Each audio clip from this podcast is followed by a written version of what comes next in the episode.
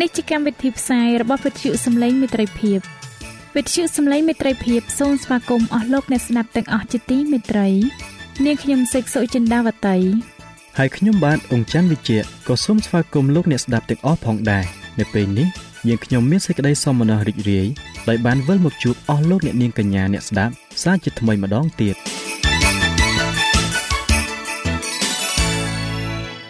នាងខ្ញុំសេកសុចិន្តាវតី សូមជម្រាបជូនកម្មវិធីផ្សាយដែលមានជាបន្តបន្ទាប់ដូចតទៅនេតិជួបជាមួយព្រះបន្ទូលនេតិបទទំនាយនិងប្រវត្តិសាស្ត្រចា៎លោកអ្នកស្ដាប់ជាទីមេត្រី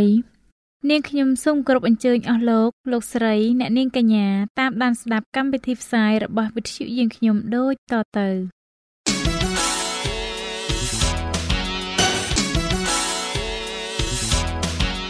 នេតិ ជួបជាមួយព្រះបន្ទូល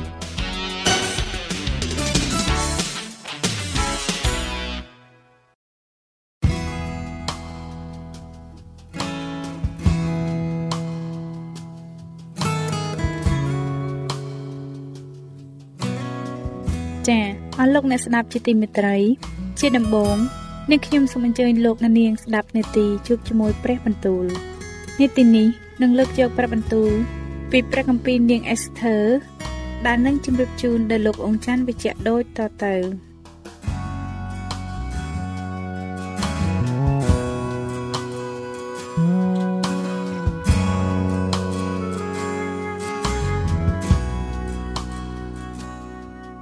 ព្រះគម្ពីរនាងអេសធើជំពូកទី5លុះដល់ថ្ងៃទី3នោះអេសធើ ក៏ទ្រង់គ្រឿងមហេសីចូលទៅឈរក្នុងព្រះរាជរោងខាងក្នុងដែលទល់មុខនឹងដំណាក់ស្ដេចឯស្ដេចទ្រង់គង់លើបល្ល័ង្ករាជក្នុងមហាមន្ទីរប្រឈមនឹងផ្លូវចូលទៅឯព្រះរាជដំណាក់កាលស្ដេចទ្រង់ទតឃើញអេសធើជាអគ្គមហេសីឈរក្នុងព្រះរាជរោងដូច្នោះនោះទ្រង់ក៏ប្រោះដល់ព្រះនាងហើយហុចព្រះដំបងមាសដែលកាន់នៅព្រះហស្ថទៅឯព្រះនាងរួចព្រះនាងយាងចូលទៅពាល់ចងព្រះដំបងនោះស្ដេចទ្រង់ក៏មានបន្ទូលសួរថាអេសធើអគ្គមហេសីអើយ តើព្រះនាង មកចង់បានអ្វីតើគិតចង់សូមអ្វីយើងនឹងបើកឲ្យតាព្រះនាងសូមទោះបើដល់នគរមួយចំហៀងផងអេសធើទូលថាបើប្រការណាសពព្រះハរតីនោះសូមព្រះករុណានឹងហាម៉ានយាងទៅសោយលៀងដែលខ្ញុំម្ចាស់បានរៀបថ្វាយនៅថ្ងៃនេះដូច្នេះស្ដេចទ្រង់ក៏បង្គាប់គេថាចូលទៅប្រាប់ហាម៉ានឲ្យប្រញាប់ឡើងដើម្បីឲ្យបានសម្រេចដោយព្រះនាងបានថាយ៉ាងនោះស្ដេចនិងហាម៉ានបានមកសោយលៀងដែលអេសធើបានរៀបចំថ្វាយ កំពុងតែលាងស្រាទំពាំងបាយជូរនោះស្ដេចមានបន្ទូលសួរអេសធើថាតើព្រះនាងចង់បានអ្វីយើងនឹងបើកឲ្យតែគិតសុំអ្វីទោះបើដល់នគរមួយចំហៀងក៏ដោយគង់តែបានសម្រេចឲ្យព្រះនាងដែរអេសធើទូលឆ្លើយថាសេចក្តីសំណូមរបស់ខ្ញុំម្ចាស់និងសេចក្តីដែលខ្ញុំម្ចាស់ចង់បាន គឺបើព្រះករណាប្រោះមេត្តាដល់ខ្ញុំម្ចាស់ហើយបើព្រះករណាសពព្រះハរតីនិងប្រោះប្រទានដល់ខ្ញុំម្ចាស់តាមសេចក្តីសំណូមហើយសម្រេចតាមសេចក្តីដែលខ្ញុំម្ចាស់ចង់បានដែរ នោះសូមព្រះករណានិងហាម៉ានយើងមកសោយលៀងដែលខ្ញុំម្ចាស់នឹងរៀបចំថ្វាយនៅថ្ងៃស្អែកទៀតនោះខ្ញុំម្ចាស់នឹងធ្វើតាមដែលព្រះករណាបានមានបន្ទូលហើយនៅថ្ងៃនោះហាម៉ានក៏ចេញទៅ ដោយមានចិត្តអំណរអរីករាយតែការលោកឃើញម៉ាឌីកាយនៅត្រង់មាត់ទ្វារព្រះរាជវាំងដែលមិនឈរឡើងឬកម្រើកគោរពនៅមុខខ្លួន នោះលោកមានពេញដោយសេចក្តីខូខើចំពោះម៉ាឌីកាយប៉ុន្តែ លោកទ្រាំអត់ទៅ ហួសទៅឯផ្ទះខ្លួនទៅរួចចាត់គេឲ្យទៅហៅពួកមុតសម្លាញ់និងសេរ៉េសជាប្រពន្ធខ្លួនមកហើយថ្លែងពីសេចក្តីរុងរឿងនៃទ្រព្យសម្បត្តិខ្លួនពីកូនចៅដែលមានច្រើនដល់ម្លេះនិងពីស្ដេចបានដំណើរងារខ្លួនហើយតាំងឡើងខ្ពស់ជាងអស់ពួកអ្នកជាប្រធាននិងពួកចំណិតត្រង់ទាំងប៉ុន្មានលោកក៏ថ្លែងនេះទៀតថាអេសធើអាគេមហេសីមិនបើកឲ្យអ្នកណាចូលទៅជាមួយនឹងស្ដេចដើម្បីបរិភោគលៀងដែលព្រះនាងរៀបចំនោះទេបើកឲ្យតែអញមួយប៉ុណ្ណោះហើយដល់ថ្ងៃស្អែក ព្រះនាងក៏អញ្ជើញអញទៅជាមួយនឹងស្ដេចម្ដងទៀតប៉ុន្តែដែលអញនៅឃើញម៉ាឌីកាយជាសាសយូដានោះអង្គុយនៅមាត់ទ្វារព្រះរាជវាំងដរាបណានោះសគុណទាំងប៉ុន្មាននេះមិនជាអ្វីដល់អញទេនោះសេរ៉េសជាប្រពន្ធលោកនិងពួកសម្លាញ់ទាំងប៉ុន្មានក៏និយាយឡើងថាត្រូវឲ្យគេដំឡើងឈើកម្ពស់50ហត្ថរួចដល់ព្រឹកឡើងឲ្យចូលទៅទូលសូមច្បាប់ស្ដេចដើម្បីយកម៉ាឌីកាយនេះទៅចងព្យួរកទៅដូច្នេះលោកក៏នឹងចូលទៅពិសាលៀងជាមួយនឹងស្ដេចដោយអំណោបាន ដំណើរនោះបានពេញចិត្តដល់ហាម៉ាន លោកក៏ឲ្យគេដំឡើងឈើសម្រាប់ព្យួរនោះឡើងព្រះគម្ពីរនាងអេសធើជំពូកទី6នៅវេលាយប់ថ្ងៃនោះឯងស្ដេចទ្រង់ផ្ទុំមិនលក់ទេដូច្នេះទ្រង់បង្គាប់ឲ្យគេយកសិភៅដែលគាត់អស់ទាំងរឿងទុកសម្រាប់ពងសាវតាមករួចគេក៏អានមើលថ្វាយស្ដេចនោះឃើញមានសេចក្តីកត់ទុកពីបានឌិកាយបានប្តឹងពីប៊ីកថាន និងថេរ៉េស ជាភ្នាក់ងារពីរនាក់របស់ស្ដេចក្នុងពួកអ្នកឆ្មាំទ្វារដែលបានរកឱកាសដល់ប្រជជននៃស្ដេចអាហាសូរុសស្ដេចមានបន្ទូលសួរថាតើបានប្រោះឲ្យម៉ាឌីកាយនេះបានរង្វាន់និងយុះជាយ៉ាងណាខ្លះដោយព្រោះការនោះពួកមហាថ្លឹកដែលបម្រើស្ដេចទូលតបថាមិនបានប្រោះអ្វីដល់គាត់ឡើយខណៈនោះស្ដេចមានបន្ទូលសួរថាតើអ្នកណានៅទីធ្លានោះរីឯហាម៉ានបានមកដល់ទីធ្លាខាងក្រៅនៃព្រះរាជដំណាក់ទ្រង់ហើយ ចង់សុំច្បាប់ស្ដេចឲ្យចងកម៉ាឌីកាយព្យួរនឹងឈើដែលលោកបានដំឡើងទុកនោះទៅដូច្នេះពួកមហាថ្លឹកទូលទ្រង់ថាគឺជាលោកហាម៉ានដែលឈរនៅទីធ្លានោះស្ដេចមានបន្ទូលថាជួយឲ្យលោកចូលមកចុះហាម៉ានក៏ចូលមករួចស្ដេចទ្រង់សួរថាតើគួរប្រោះជាយ៉ាងណាដល់អ្នកដែលស្ដេចសពរហរតីចង់លើកមុខហាម៉ាននឹកក្នុងចិត្តថាតើមានអ្នកណាក្រៅពីអញដែលស្ដេចសពរហរតីនឹងលើកមុខឲ្យដូច្នេះហាម៉ានទូលឆ្លើយថា ឯមនុស្សដែលប្រកាសណាសពព្រះតីចង់លើកមុខឲ្យនោះគួរតែយកព្រះពស្ត្រារាជដែលប្រកាសណាធ្លាប់ទ្រង់និងសេះដែលប្រកាសណាគង់ព្រមទាំងមកុដរាជដែលពាក់លើព្រះសិទ្ធមកហើយប្រកបប្រដាប់ទាំងនោះនឹងសេះដល់ម្នាក់ជាអ្នកប្រធានវិសេសបំផុតរបស់ស្ដេចឲ្យគេបំពាក់ដល់អ្នកដែលប្រកាសណាទ្រង់សពហារតីចង់លើកមុខនោះរួចបញ្ជីសេះបណ្ដានាំទៅតាមផ្លូវទីក្រុងហើយស្រែកប្រកាសនៅមុខអ្នកនោះថាអ្នកដែលស្ដេចសពហារតីចង់លើកមុខឲ្យនោះ បានដូច្នេះហើយដូច្នេះស្ដេចទ្រង់មានបន្ទូលបង្គាប់ហាម៉ានថាចូលប្រញាប់ឡើង ទៅយកព្រះពុស្ត្រារាជនិងសេះដូចជាអ្នកបានថានោះទៅធ្វើដូច្នោះដល់ម៉ាឌីកាយជាសាសយូដាដែលអង្គុយនៅមាត់ទ្វារព្រះរាជវាំងកុំឲ្យខានធ្វើអ្វីមួយ ដែលអ្នកបានថានោះឲ្យសោះហាម៉ានក៏យកព្រះពុស្ត្រារាជនិងសេះនោះមក រួចបំពាក់ឲ្យម៉ាឌីកាយហើយបញ្ជាគាត់បណ្ដើនាំទៅតាមផ្លូវទីក្រុងដោយស្រែកប្រកាសនៅមុខគាត់ថា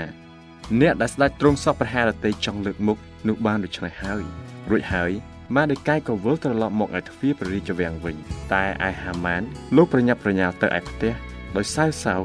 ហើយក្រលុំក្បាល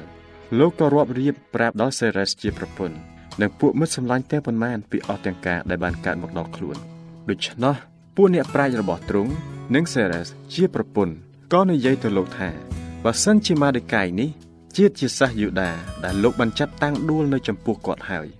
នោះលោកនឹងឈ្នះគាត់មិនបានឡើយគឺនឹងត្រូវដួលនៅចំពោះគាត់ជាពិតប្រាកដកាលគេកំពុងតែនិយាយនឹងលោកនៅឡើយ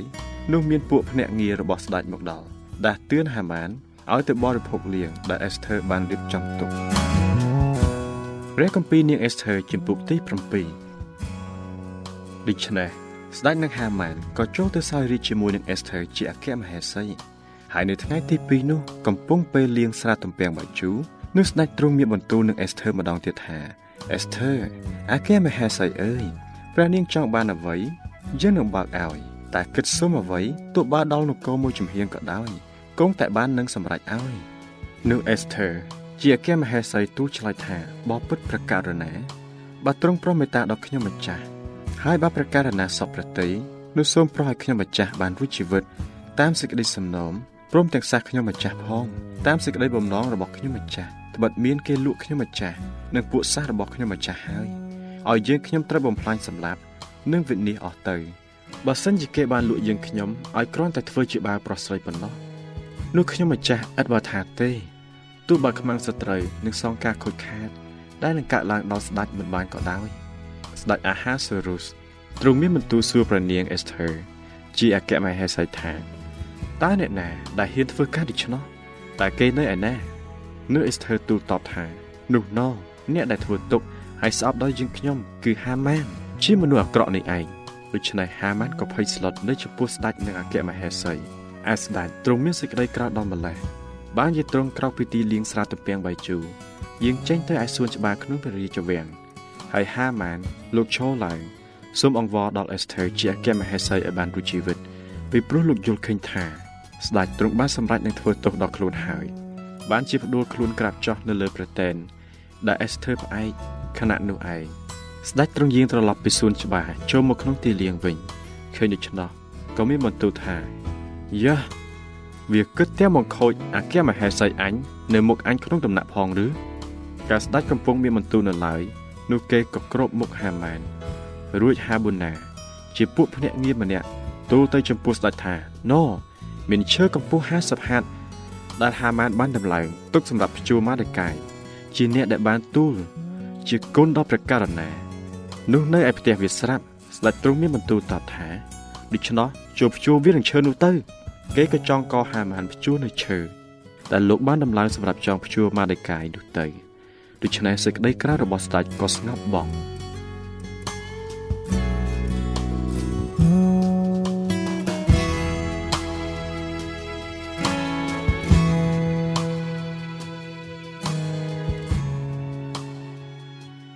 ចា៎ប្រិយមិត្តអ្នកស្ដាប់ជាទីមេត្រី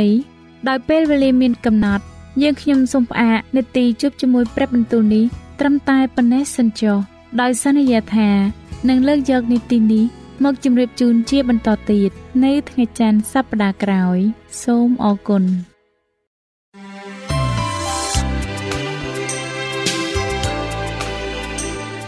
វិទ្យុសំឡេងមេត្រីភាព AWR នាំមកជូនលោកអ្នក នៅសារនៃសេចក្តីសង្ឃឹមសម្រាប់ជីវិត។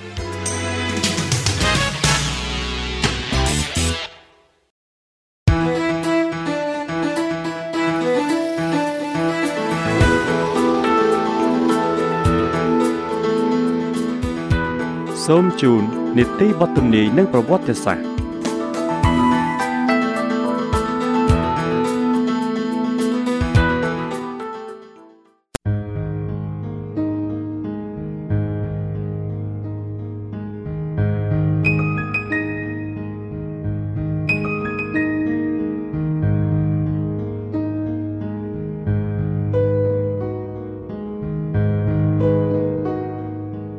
បាទសូមជម្រាបសួរអស់លោកលោកស្រីប្រិយមិត្តអ្នកស្ដាប់វិទ្យុសំឡេងមិត្តភាពភាទីមិត្តហើយសូមឲ្យព្រះគុណនិងសេចក្តីសុខសាន្តបានចម្រើនដល់លោកអ្នកឲ្យបានស្គាល់ព្រះនិងព្រះយេស៊ូវគ្រីស្ទជាព្រះម្ចាស់នៃយើងតាមរយៈមេរៀននៅថ្ងៃនេះបាទថ្ងៃនេះខ្ញុំបាទសូមលើកយកភាគទី3ជាភាគបញ្ចប់នៃចម្ពោះទី15ដែលមានចំណងជើងថាព្រះគម្ពីរនិងបដិវត្តនៅប្រទេសបារាំងអស់លោកអ្នកស្ដាប់ជាទីមេត្រី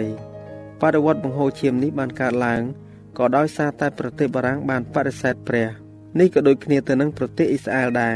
ដែលពួកគេបានបដិសេធព្រះអង្គសង្គ្រោះរបស់ខ្លួនហើយទៅយកបារបាសដែលជាចៅជំនួសវិញការនេះបានធ្វើឲ្យប្រទេសអ៊ីស្រាអែលវិនិច្ឆ័យហិនហោចគ្មានសល់ប្រទេសបារាំងបានដើរតាមលំអានប្រទេសអ៊ីស្រាអែលដែរហើយនៅភាពបញ្ចប់នេះវិញលោកអ្នកនឹងបានស្ដាប់តទៅទៀតតើប្រទេសបារាំងអាចងើបរួចពីការបង្ហូរឈាមបែបនេះដែរឬទេតើបរិវត្តនឹងបញ្ចប់ទៅដោយរបៀបណា ខ្ញុំបាទសូមគោរពអញ្ជើញអស់លោកអ្នកតាមដានស្ដាប់ភាគទី3ជាភាគបញ្ចប់នៃចម្ពោះទី15នេះដូចតទៅជាជាងក្តោបក្តាប់ប្រជារាស្ត្រសាមញ្ញឲ្យចុះចូលទាំងស្រុងទៅនឹងគោលលទ្ធិរបស់ខ្លួនកិច្ចការរបស់រ៉ូមបានធ្វើឲ្យពួកគេទៅជាអ្នកមិនជឿនិងអ្នកធ្វើបដិវត្តទៅវិញ គេបានស្អប់ដល់លទ្ធិរ៉ូមនិយមព្រោះការបោកបញ្ឆោតរបស់សង្ឃ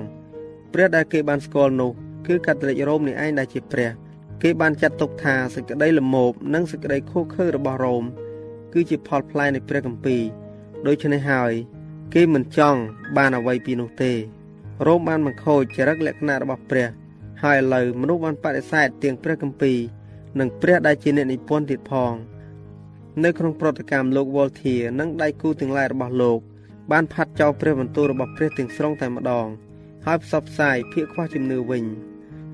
វិហារកាតូលិកបានជួនឆ្លីប្រជាជនក្រោមកែងជើងដៃរបស់ខ្លួន ហើយឥឡូវនេះពួកប្រជារាស្ត្រសាមញ្ញបានផាត់ចោលអ្វីៗទាំងអស់គេបានបដិសេធសេចក្តីពិត និងសេចក្តីមិនពិតទាំងមានកំហឹងយ៉ាងខ្លាំងនៅដើមសតវត្សស្ដេចបានអនុញ្ញាតឲ្យប្រជាជនធ្វើជាតំណាងរាស្ត្រលុះដល់ទៅមានចំនួន លើសជាងពួកអភិជន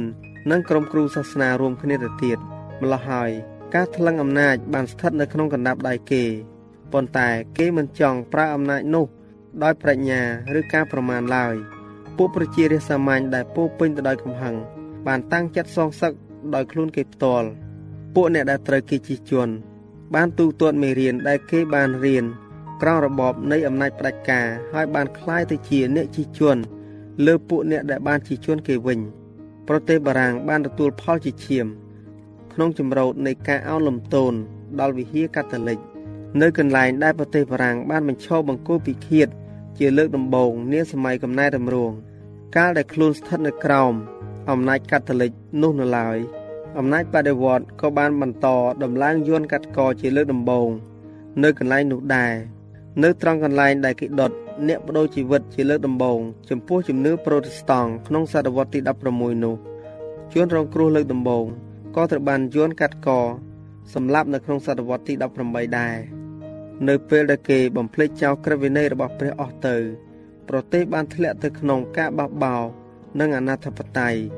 សង្គ្រាមទាស់នឹងព្រះគម្ពីរជារជ្ជកាលនៃសេចក្តីភិតភ័យមួយនៅក្នុងប្រវត្តិសាស្ត្រអ្នកដែលមានជ័យជំនះនៅថ្ងៃនេះត្រូវបានគេកាត់ទោសនៅថ្ងៃស្អែកស្ដេចក្រុមគ្រូគង្វាល និងពួកអភិជនត្រូវបានជំរុញឲ្យចុះចូល ដល់អំពើខុសខើនៃមនុស្សដែលវង្វេងស្មារតី អ្នកដែលចេញក្រឹតច្បាប់ឲ្យសម្លាប់ស្ដេចក្រោយមកត្រូវបានគេធ្វើឃាតវិញអស់អ្នកណាដែលមើលទៅថាជាខ្មាំងរបស់បដិវត្តត្រូវបានសម្រេចថានឹងសម្លាប់ចោល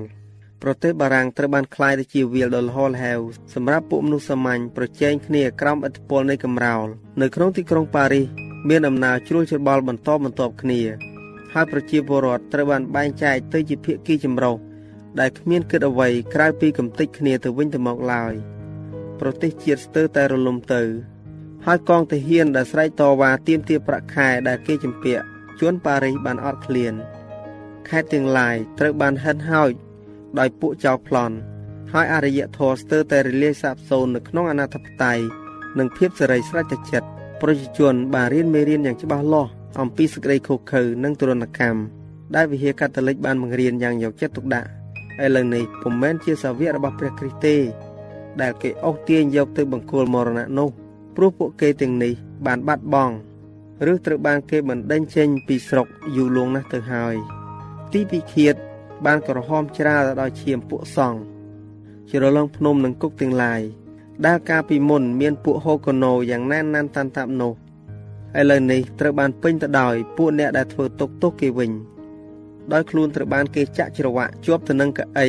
ហើយខំអុំទូកយ៉ាងយ៉ាប់យ៉ឺននោះ ក្រុមពួកសង្ឃកាតូលិកបានពិសោធន៍អស់ទាំងសេចក្តីវេទនា ដែលវិហាររបស់ខ្លួនបានធ្វើទុកដល់ពួកអ្នកប្រូតេស្តង់ដ៏សុភាពទាំងឡាយនោះ បន្ទាប់មកថ្ងៃនោះក៏មកដល់នៅពេលដែលគេលបចាំគ្រប់ជ្រុងនៅពេលដែលយួនកាត់កធ្វើការយ៉ាងសកម្មរាល់ព្រឹក នៅពេលដែលគុកបានពេញណែនដោយសំពៅទុកពួកខ្ញុំអំរើនៅពេលដែលជ្រលងទឹកហូរបានពោពេញទៅដោយពពុះឈាមហូរទៅក្នុងស្ទឹងសែនឆ្លើយទាំងជួរទាំងជួរដ៏វែង ត្រូវបានគេបាញ់សម្លាប់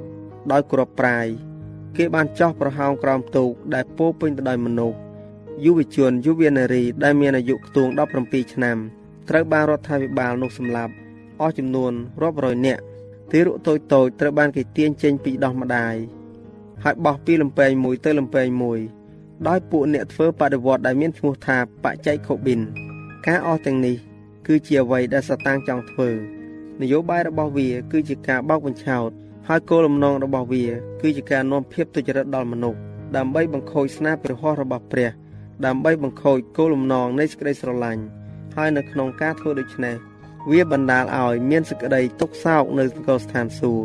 បន្ទាប់មកវានាំមនុស្សឲ្យបន្ទោសដល់ព្រះ ដោយកលល្បិចដ៏ជំនាញរបស់វា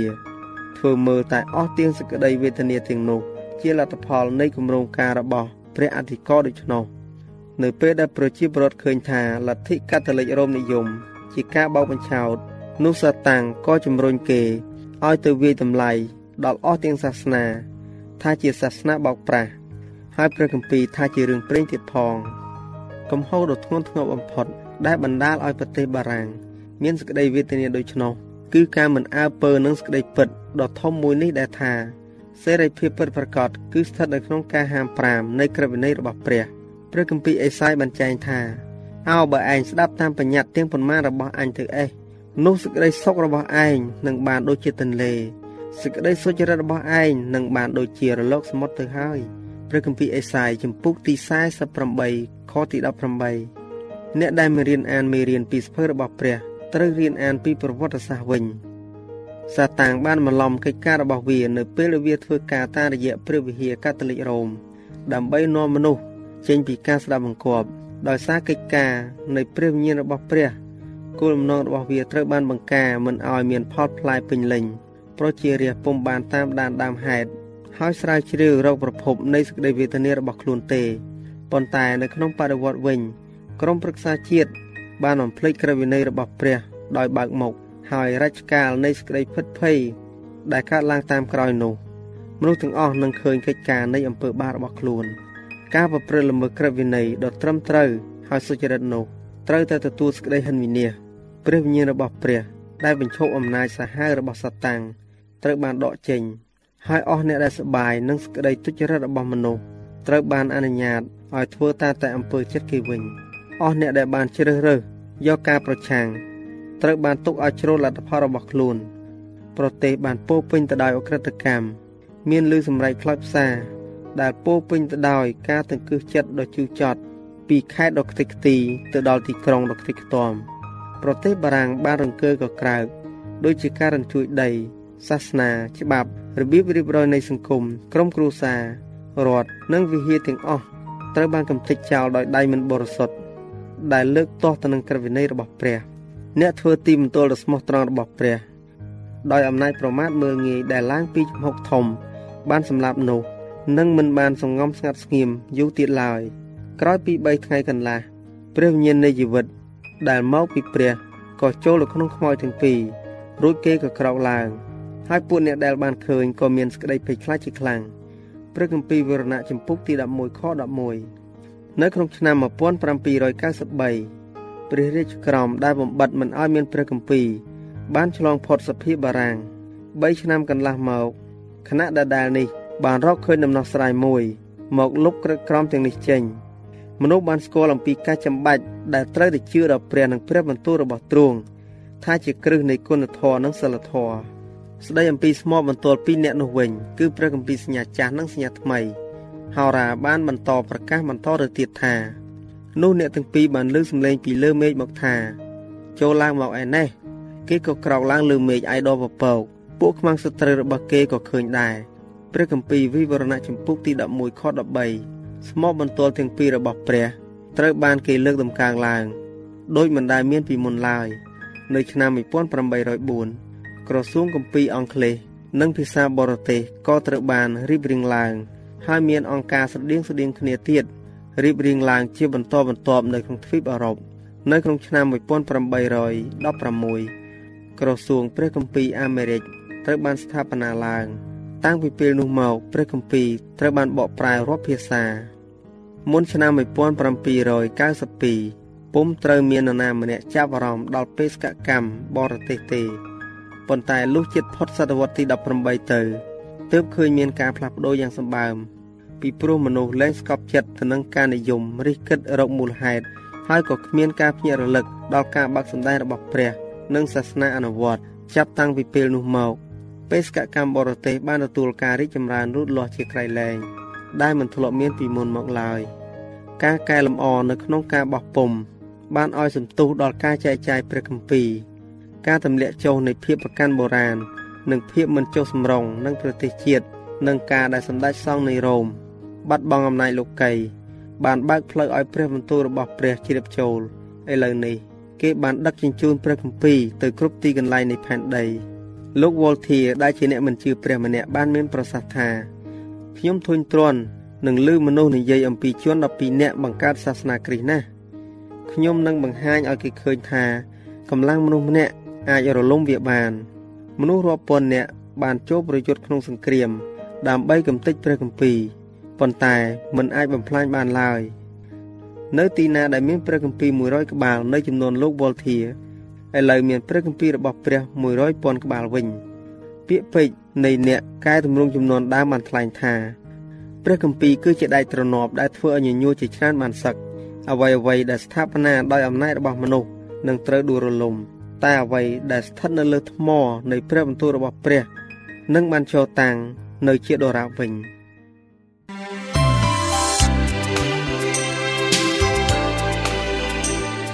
វិទ្យុសំឡេងមេត្រីភាព AWR មានផ្សាយពីរដងក្នុងមួយថ្ងៃ គឺព្រឹកនៅម៉ោង6និងពេលយប់នៅម៉ោង8ស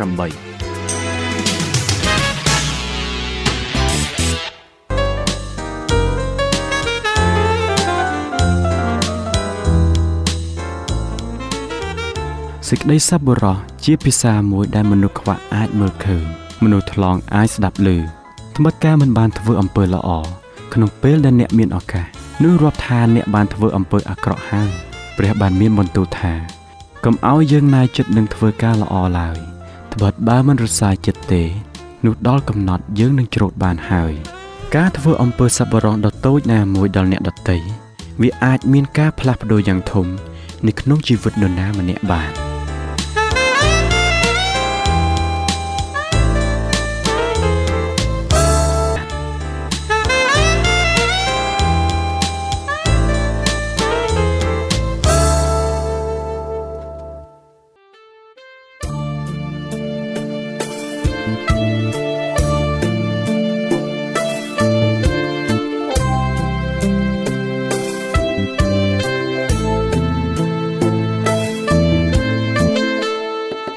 ជាលោកអ្នកមានសំណួរ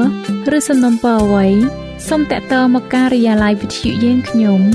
តាមអាស័យដ្ឋានផ្ទះលេខ15ផ្លូវលេខ568សង្កាត់បឹងកក់2ខណ្ឌទួលគោករាជធានីភ្នំពេញ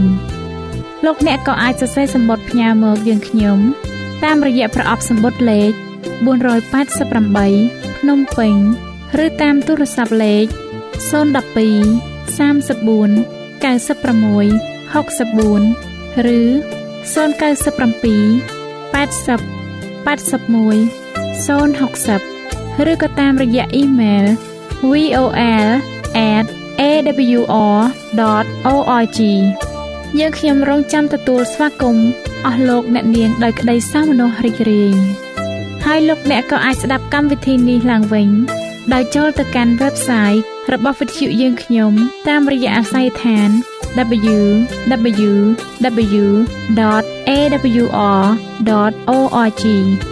លោកអ្នកនាងកញ្ញាជាទីមេត្រី កម្មវិធីផ្សាយរបស់វិទ្យុសំឡេងមេត្រីភាពនៅពេលនេះសូមបញ្ចប់តែប៉ុណ្ណេះយើងខ្ញុំសូមអរគុណចំពោះការតាមដានស្ដាប់របស់អស់លោកអ្នកតាំងពីដើមរហូតដល់ចប់យើងខ្ញុំសូមជូនពរឲ្យអស់លោកអ្នកនាងកញ្ញាទាំងអស់ បានចម្រើនឡើងក្នុងព្រះគុណព្រះអង្គម្ចាស់ហើយក្នុងការទទួលយកព្រះយេស៊ូវគ្រីស្ទជាព្រះអង្គម្ចាស់និងជាព្រះអង្គសង្គ្រោះនៃយើងរាល់គ្នានាទីផ្សាយរបស់វិទ្យុយើងខ្ញុំនឹងវិលមកជួបអស់លោកអ្នកសាជាថ្មីម្ដងទៀតនៅថ្ងៃស្អែកវេលាម៉ោងដដែលនាងខ្ញុំសេកសុចិន្តាវតីនិងខ្ញុំបាទអ៊ំច័ន្ទវិជ្ជៈសូមអរគុណសូមជម្រាបលា